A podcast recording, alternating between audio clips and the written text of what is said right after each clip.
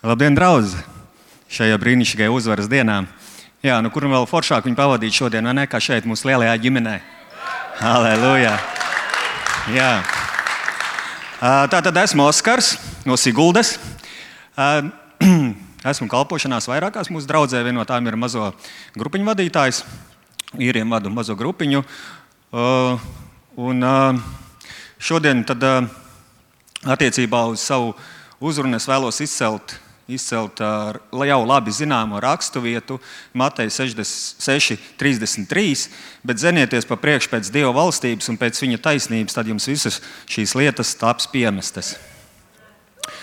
Jā, esmu šeit, lai padalītos ar savu personisko pieredzi, kādām savām izvēlēm, kādiem principiem un atziņām esmu vadījies, lai manā namā valdītu miers un harmonija. Mēs jau zinām, ka tas, kas der vienam, iespējams, nedara citam, jo mēs esam katrs savā situācijā, kā piemēram citāds ģimenes modelis, ja? vai ir divi, divi strādājošie, vai viens ir pelnošais, vai kaut kāds darba grafiks un tā tālāk. Par, par uh, manu ģimenes modeli runājot, mēs abi esam strādājoši, mēs, mums ir labs darbs. Un, uh, Šajā mēnesī ļoti priecīga ziņa ienāca arī manā namā.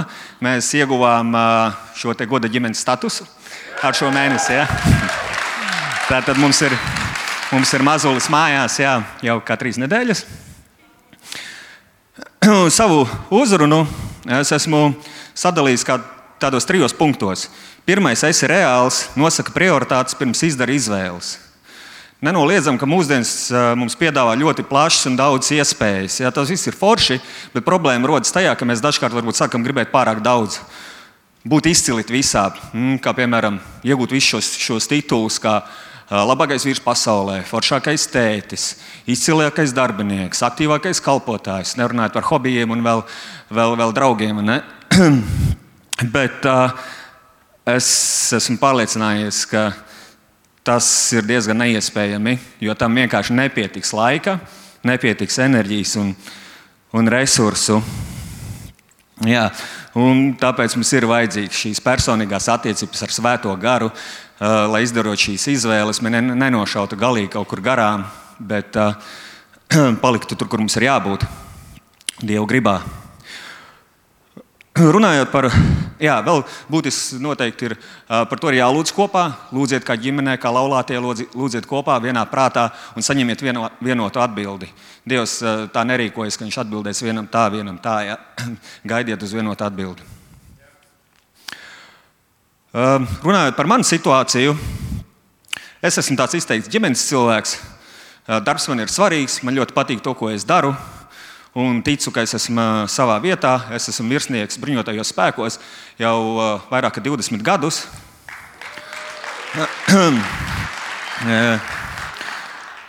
Un, attiecībā par karjeru runājot, man bija tā ļoti laba vieta īstenībā. Virsnieku karjeras iespējas ir diezgan plašas, un tā ir laba vieta izaugsmē, lai veidotu karjeru. Es pēc dotajā brīdī pēc pakāpes esmu majors. Un salīdzinoši nesen man nāca šis piedāvājums, iet veidot karjeru tālāk. Tas nozīmē, ka man ir jādodas projām no Latvijas uz, uz uh, gadu mācīties citur. Tas ir prom no ģimenes un visām lietām, kas ir man mīļas un tuvas šeit. Ilgtermiņā tas varbūt nebūtu tas, uh, tas, tas trakākais, jā, ja tā var teikt. Bet uh, no nu, tas viens gads. Bet pārējās lietas, pēc tam jau, kad tu iegūsti šo augstākus, lielākus, skaistākus pagonus. Ja, Tas uzreiz, protams, prasa, prasa daudz vairāk laika veltīt darbam, to, to savu ikdienu. Un, ja man ir jāsaliek pa šiem svaru kausiem, karjera, tas ir skaistāki, lielāki pagoni, lielāka alga, vai otrajā svaru kausā tur man ir laiks ģimenei, laiks kalpošanai, laiks sporta aktivitātēm. Ģimenē tas ir, ja man viss tur nav kārtībā, es nemaz neesmu efektīvs darbinieks. Ne? Uh, Otrs kalpošana man dod tādu ļoti vajadzīgu piepildījumu, gandarījumu sajūtu. Un, un, un, un sporta aktivitātes, tas man atkal ir vajadzīgs man fiziskajam tonusam, lai es labi justos ikdienā.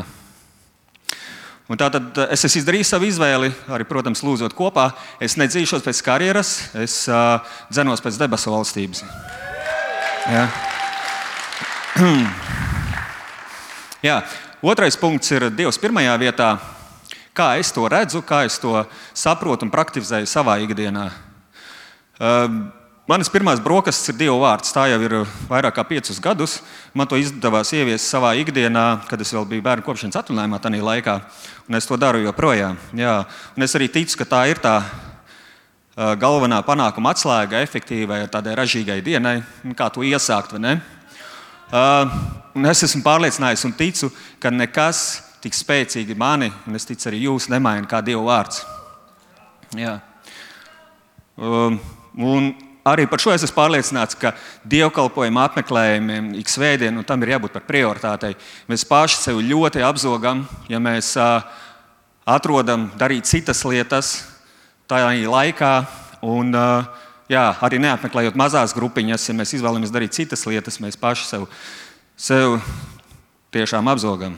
Man patīk viens labs piemērs no Bevīra grāmatas. Viņu var dabūt arī pie mums draudzē, kur viņš runā par par uh, basketbola treneri, savu tuvu draugu, kurš trenē sieviešu meiteņu basketbola komandu, vidusskolas basketbola komandu jau 18 gadus. Viņiem nav izdevies izkļūt ārpus vietējā čempionāta, tāpēc nu, neiet viņiem tur kaut kā. Ja? Un, un tad, kad šis treneris atklāja Dieva žēlastības spēku savā dzīvē, viņš lūdza Dievu par to. Dievs, viņam, Dievs viņu uzrunāja. Viņš teica, no tām 90 minūtēm kas tev ir treniņa laikam, tev 45 minūtes ir jā, jāvelta laikam ar mani. Tas ir jābūt ģērbtuvē, jālasa, jālūdz, jāpavada laiks ar mani. Mums tā liktos, wow, tas ir puse no manas treniņa laika, no manas darba laika. Tur tik daudz ko var izdarīt, vai ne? Un, jā, tādā gadā, tādā pašā gadā viņš to uzsāka darīt. Jā, viņš paklausīja, viņš zināja, ka tas ir Dievs. Viņš to sāka darīt, un viņi tādā gadā vinnēja tajā vietējā čempionātā, un arī vēl nākošajā.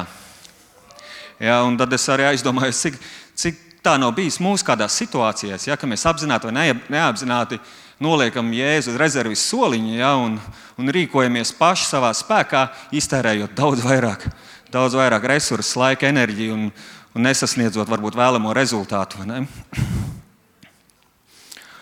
Un trešais punkts, kas ir noteikti ļoti svarīgs visā šajā, ir disciplīna. Dažkārt tā ir vajadzīga dzelžena disciplīna, lai mēs neapstātos, nesāktu slīdēt kaut kur atpakaļ, un lai mūsu apņemšanās nepaliktu kā ieraksts tikai, tikai mūsu plānotājos. Uzskatāms piemērs, man liekas, par sporta zāli. Es jau daudz gadus staigāju sporta zāli. Un kā jūs domājat, kas notiek janvārī? Sporta zāle ir pilna, vai ne? Kāpēc viņi ir pilni? Tāpēc, ka cilvēki ir apņēmušies uzsākt jaunu dzīvi tieši ar 1. janvāri. Tā ir katru gadu. Un, kas notiek pēc diviem mēnešiem? Zālē ir atkal daudz vietas. Ja? Un kāpēc? Nu, kā trīs nedēļas staigāju, sešpaku nedabūju, eh, tur tas nestrādā. Un, ziniet, īstenībā tā mums ir dažkārt ar ticības lietām. Ja? Mēs esam lūguši nedēļu, atbildi neesam saņēmuši, brīnums nav noticis un mēs varbūt kaut kur sākam jau atkāpties ļoti ātri, vai ne? Tad es jūs aicinu, jā, stiprinieties ticībā, uh, Dievs atbildēs īstajā laikā, tuvojieties viņam. Jā. Un pašā nobeigumā uh, man ir jautājums jums visiem, vai tavā namā valda miers un harmonija? Uh, ja tā nav, tad ir jāapstājas, jāuztais revīzija un jāpaskatās, kur Dievs ir tavā dzīvēm. Un, jā, un kas ir arī par būtisko tavā namā, vai jūs esat vienā prātā par galvenajām lietām? Vai ne? un vai paliek laiks kalpošanai, mazai grupiņai, dievkalpojumiem? O, jā, tas ir no manas puses viss. Un man ir tāds gods pieteikt nākamo runātāju Agnesi Baumani.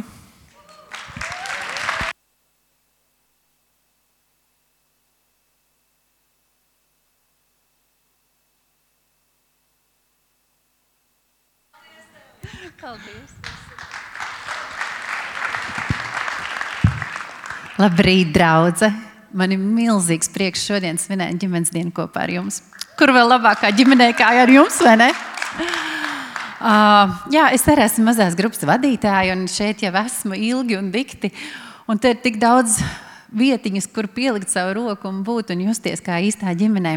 Tā kā arī tev ir iespēja uh, nākt un pieteikties, piedalīties un būt. Pirms kāda laiciņa mūsu ģimenē bija brīnišķīga iespēja pabūt Parīzē. Un staigājot pa tās ielām, mēs nonācām pie kādas viesnīcas. Un pie šīs viesnīcas bija sapulcējušies daudz vīrieši, un viņi kaut ko pētīja. Es palūgšu, ja varat, tad uzlikt to pirmo bildīti. Un pie viesnīcas stāvēja šis. Es palūdzu savam vīram, tāpēc lasīšu. Tātad, tas bija BMW M760 modelis, 12 cilindri, limuzīna klases auto, kurš 100 km/h sasniedz 3,8 sekundēs.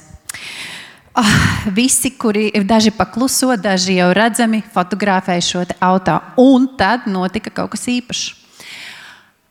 Pie šīs viesnīcas piebrauca Lūdzu, otro bildīti. Šī. Tas ir Bugatti. 16 cilindri, 1500 zirga spēki. Viņa spēja sasniegt 100 km/h norit 2,3 sekundžu laikā. Maksimālais ātrums 490 km/h. Šoferis šim auto knapi pa, paspēja pārkāpt viesnīcas slieksni, kad visi tas bariņš no uh, iepriekšējās mašīnas bija pārslēdzies uz šo, ieskaitot manu vīru. Savukārt, es stāvēju, skatījos šo ainu un domāju, laikam cilvēkam nav sasniedzams tāds līmenis, kur beigtos salīdzināšana. Vienmēr būs kāds spilgtāks, ātrāks, jaunāks. Un no mūsu, no mūsu skata punkta veiksmīgāks un noteikti laimīgāks. Paldies! um, viena no manām mīļākajām raksturvietām Bībelē ir 5. mūzika, 28. nodaļa. Es viņā varu dzīvoties. Un kāpēc? Tāpēc, ka tur ir Ābrahama svētības vārdi, un mēs zinām, ka tāpēc, ka mēs esam Jēzu Kristu, tas mantojums pieder arī mums. Un šodien, lai ietekmētu taupot laiku, es izlasīšu tikai mazu lietiņu, bet uh, es gribētu tevi aicināt, palasi 5. mūzika 28. Mēs tur redzam tik milzīgas ru, dieva rūpes par mums, par katru dzīves sfēru. Bet nu šodien no 12. panta, un tas kungs tev atvērs savu labumu krātuvi debesis, lai dotu savā laikā lietu tavai zemē un svētītu visu tavu roku darbu. Um, Šo svētību varam baudīt tad, kad atrodamies savā zemē, par to rūpējamies, ticam un pieliekam pūles, lai tā lieta, ko mums Dievs ir uzticējis, lai tajā baudītu tās augļus. Un astotais pāns saka, viņš tas kungs tevi svētīs tanī zemē, ko tas kungs Dievs tev ir devis. Un mēs varam šeit likt diezgan daudz analogijas, kas tad ir šī zeme. Bet šodien no rīta es vēlētos apgalvot, ka viena no šīm zemēm ir laulība, ko Dievs mums ir katram, nu, kas mēs esam laulībā dāvinājis. Um, Un Dievs ir paredzējis, kad uzdāvināt mums šo īpašo dāvanu, mēs to kopsim, rūpēsimies un atrodoties tajā, sagaidīsim, ka debesis tiks atvērtas, lietus nolīs, un mēs baudīsim tos saldos augļus, ko ieter, ieterpja vārds laulība. Bet mūsdienu sabiedrības ikdienas paraduma plūsma laulātos nemitīgi aicina nevis atrasties savā laulībā, bet doties un apjūsmot kaimiņu dārzus. Uzreiz gribu teikt, ka nav jau nekas slikts tajā, kad mēs priecājamies par citiem un palīdzam, lūdzam par citiem un esam kopā ar citiem. Bet problēma sākas tad, kad mēs stāvam pie šo cilvēku žogiem un augstam iegūt to, kas ir viņiem. Kā ar šīm divām automašīnām. Viņas abas ir abrīnas vērtas, bet patiesībā viņas pat nav jāsalīdzina, jo viņas katras ir ļoti īpašas. Bet vai nav tā, ka bieži skatoties uz citiem, apskaužot, salīdzinot, sūdzoties, kāpēc man nav tādas lietas, es varu godīgi nu, padomāt un teikt, bet es jau nemaz neesmu bijis savā laulībā. Es tur tik sen neesmu bijis, ka es esmu palaidis garām tās svētības, kas tur ir nākušas. Un tāpēc um, man cita dzīve, cita laulība liekas daudz skaistāka, un manī iezogas šīs vārds salīdzināšanās, neapmierinātība. Jo mūsdienās tas ir pavisam vienkārši. Atver Instagram, atver jebkuru eh, ziņu kanālu, un tu teleportējies uzreiz uz citu cilvēku dzīvēm, citu cilvēku laulībām, un tu nonāc pie citu cilvēku patiesībā laulību fasādēm. Mēs nekad nezinām, kas aiz tā īstenībā tur slēpjas. Mēs arī nezinām, kas notiek tad, kad viņu durvis aizverās mājai. Bet mēs gribam tur būt un to apbrīnot. Tāpat laikā mēs palaidām garām to iespēju, kas ir mūsu laulība un mūsu dārsts. Un tad notiek vēl viena tāda neforša lieta. Atstājot mūsu draugu, mūsu, mūsu dzīves draugu tur, viņā iezogas vientulība un manī iezogas vientulība. Jo mēs neesam kopā. Un tad vientulība, es teiktu, kā tāda smaga, tumša sērga ielīst mūsos un mūsu dzīves draugā. Un ko pasaule tev saka šajā brīdī, kad tev ienāk vientulība? Ieklausies sevi, paskaties uz tiem citiem. Tu esi pelnījis, ka kāds par tevi šādi izturas. Tu esi pelnījis, ka pret tevi izturas cēli. Patiesībā jūs taču neesat nekad bijuši īsti laimīgi, ne? Un, ja tā padomā, vienmēr tu esi jūties šajās attiecībās kā tāds savažots dzīvnieks, jo tev tā apkārt ir sēta. Un, ja tu tikai tiktu projām no šīs vietas, ko saka Dieva vārds, nesalīdzinies. Noliec malā, izslēdz katru kanālu, kas tevi transportē prom no savas zemes, kas, kas laupa tev skaidru saprāšanu, baudīt tavu laulību. Un tad vēl viena otrā lietiņa. Vakar dzirdēju no svētā gara, svētam garam prasīja svētais gars, bet kas ir vēl kaut kas tāds īpašs? Un man skanēja vārdi, ziniet, kādi? Jums šķiet, ka laiks vēl ir. Vai nav tā, ka no rīta, kad mēs skrienam uz darbu, mēs pašsaprotam, uztveram, ka tas cilvēks jau tāpat vakarā būs? Vai vakarā aizmiegot, sadusmojušies, tas taču ir normāli padomāt, ne? samīļošu viņu rītā un izlīgsim rīt. Pat dienu atnāk doma, vajadzētu viņam piezvanīt. A, ko es viņam teikšu? Viņš taču zina, ka es viņu mīlu, vakarā tiksimies. Labāk darbs. Pie vakariņu galda vēl jāpaspēj izbeigt, jāpaveic iepriekšējie darbi, vēl visi. Parunāsimies vēlāk.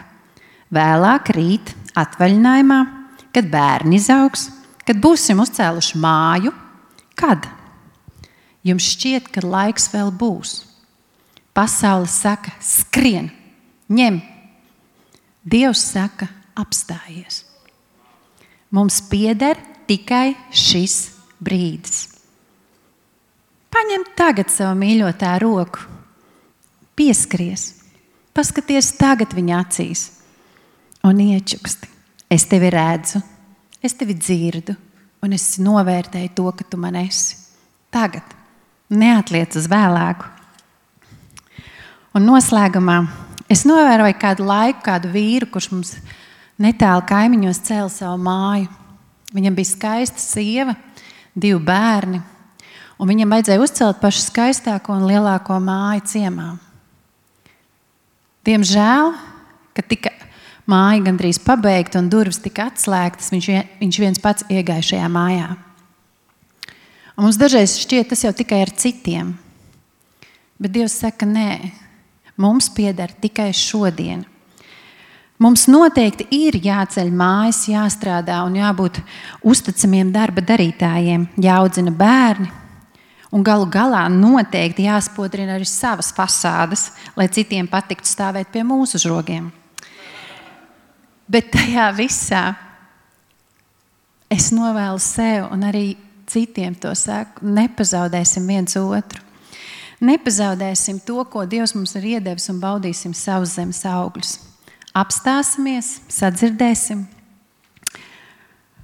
Un tad šīs trīs lietas - neblandies apkārt, lai nebūtu jāsalīdzinās. Mums pieder tikai šis brīdis, izmanto to, un trešais - laulība ir dāvana. Bet neaizmirsti, ka dāvanas lietošana nekad nedrīkst kļūt svarīgāka par dāvanas devēju. Paldies jums, ka jūs man šorīt uzklausījāt! Iepazīstināšu ar sevi. Es esmu Estere. Un kāpēc gan šodien es stāvu jūs priekšā? Nedaudz mazākā gada atpakaļ es pieņēmu izaicinājumu uh, uzsākt vadīt svētdienas skolas kalpošanu. Un tāpēc par ko gan citas varētu runāt, ja ne par bērniem un vecākiem? Tā ir mana aktualitāte, kuras izdzīvoju pats savā ikdienā, savā kalpošanā. Un, uh, Lai gan mēs visi zinām, teikt, ka bērni ir tā kunga dāvana, tomēr vecāki ir tieši tie, kas zina, cik satriecoši daudz izaicinājumu ar šīm dzīvajām, kustīgajām, skaļajām dāvanām ir. Ir tik dažādas dzīves sezonas, kuras mēs izdzīvojam, un eh, jo vairāk bērnu, jo vairāk dzīves sezonas, jo vairāk krīžu, jo vairāk vecuma posmu īpatnību, emociju izvirdumu un vēl visu kā cita. Kāds šodien mūsu vidū cīnās varbūt par savu jaundzimušā mazulīša katru gramiņu. Kāds varbūt izdzīvo piena krīzi. Kāds cits ir ticis līdz divgadnieku krīzei, un viņam pretī stāv viens dinozaurs, ar kuru mums ir jācīnās. Kāds cits ir izvilcis šo gadu ar savu pirmklasnieku, katru vakaru sēžot un kopā mācoties. Kāds ir ticis līdz pusauģa vecumam un sapratis, ka viņam ir izaudzis viens dumpinieks mājās. Kāds ir pamodies savu bērnu vidusskolas vecumā un saprot, ka ir nogulējis visu svarīgo laiku, un tagad ir jāsāk kaut kas darīt. Mēs paši, mēs paši ar Dāvidu šobrīd jau sešus gadus izdzīvojam sezonu, kurā nevienu brīdi kāds no mūsu bērniem nebūtu bez pamperiem.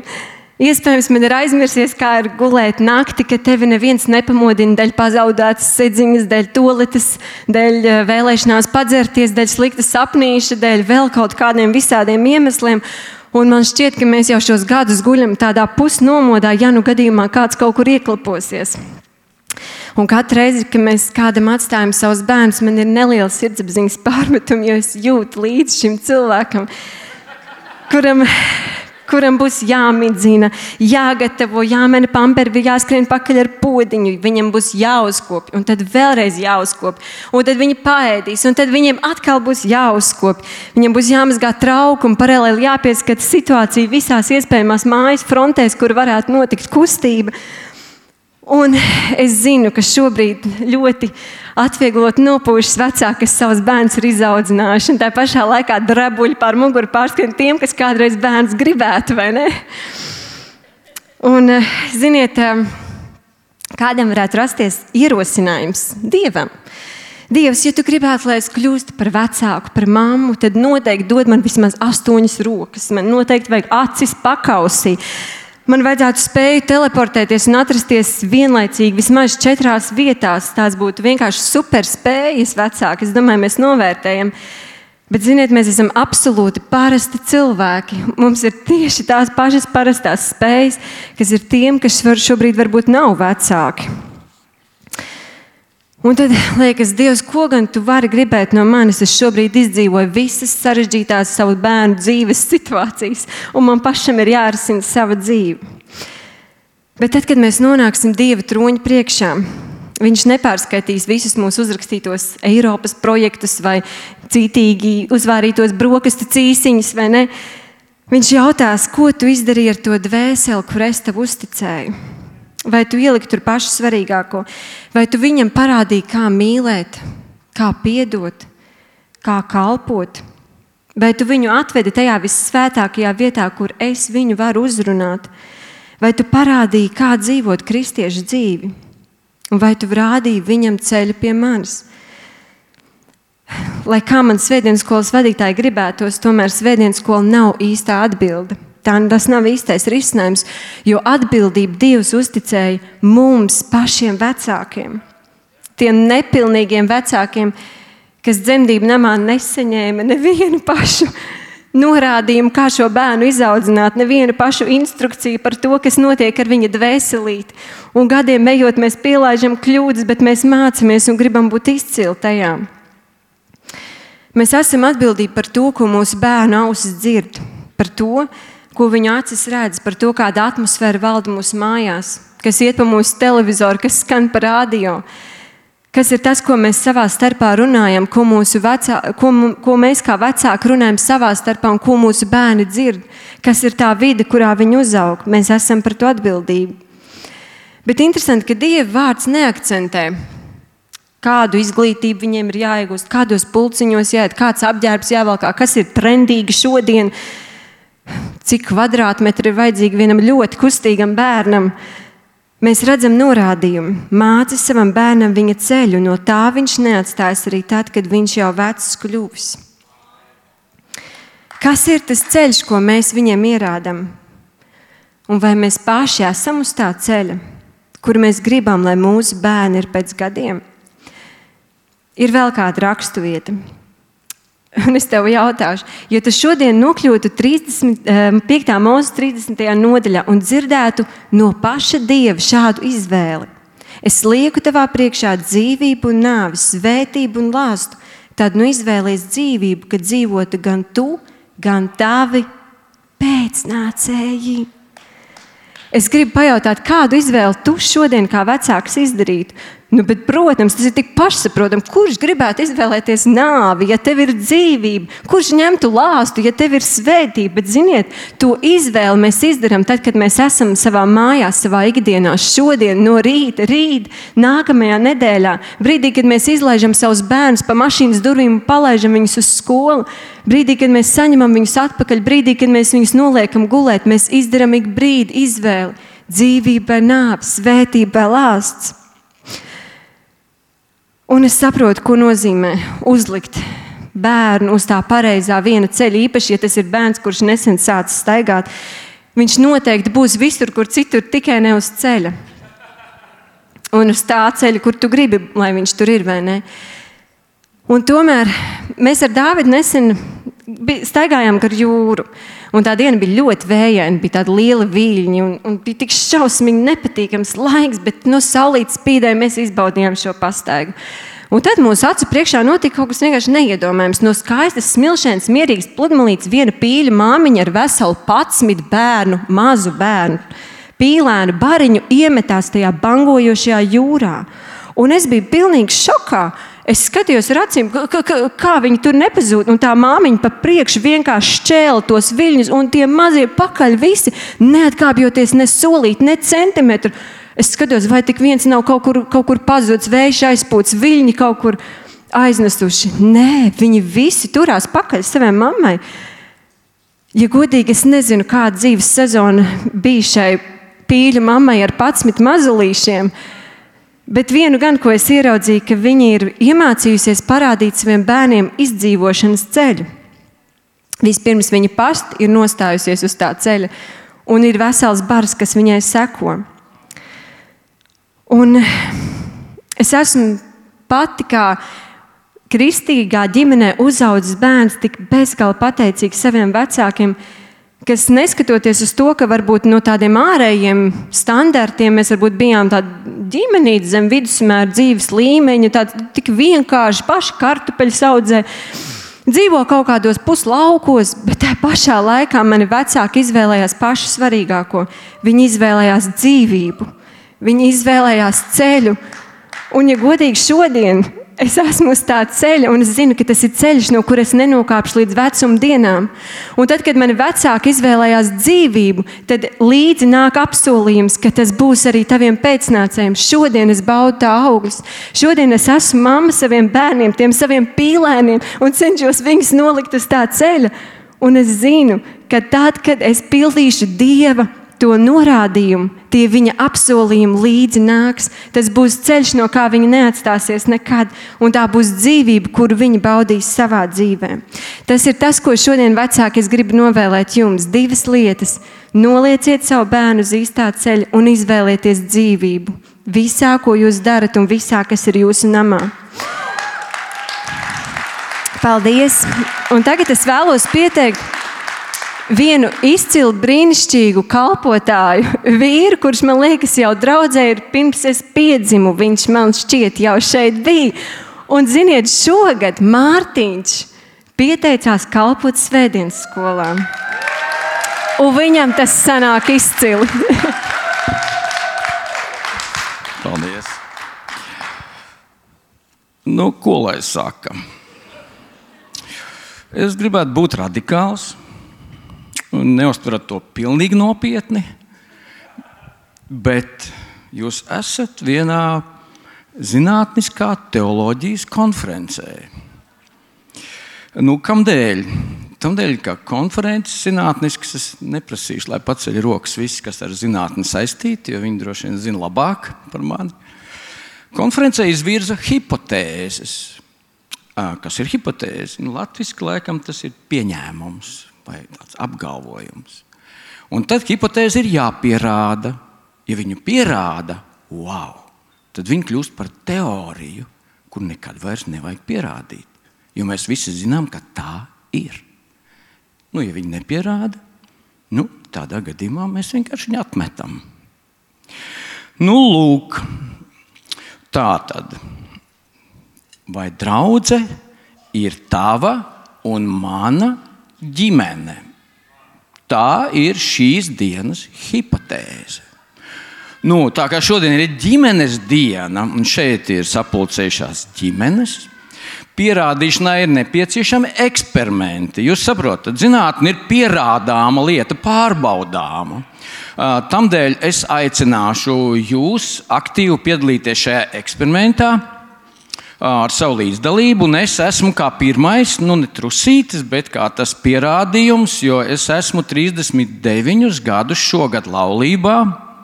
Mums ir pieci bērni, ir zināma pieredze pagātnē, tagad ir tie mazie desmitgadnieki svētdienas skolā. Nu, tas viss ir ūdentiņš. Tagad mēs ķersimies pie nopietnākām lietām. Tā tad, kā eksperimenta dalībnieks, man ir nu, protams, tāda subjektīva, daži apgalvojumi vai izteikumi par ģimeni. Un es ļoti gribētu, ka jūs.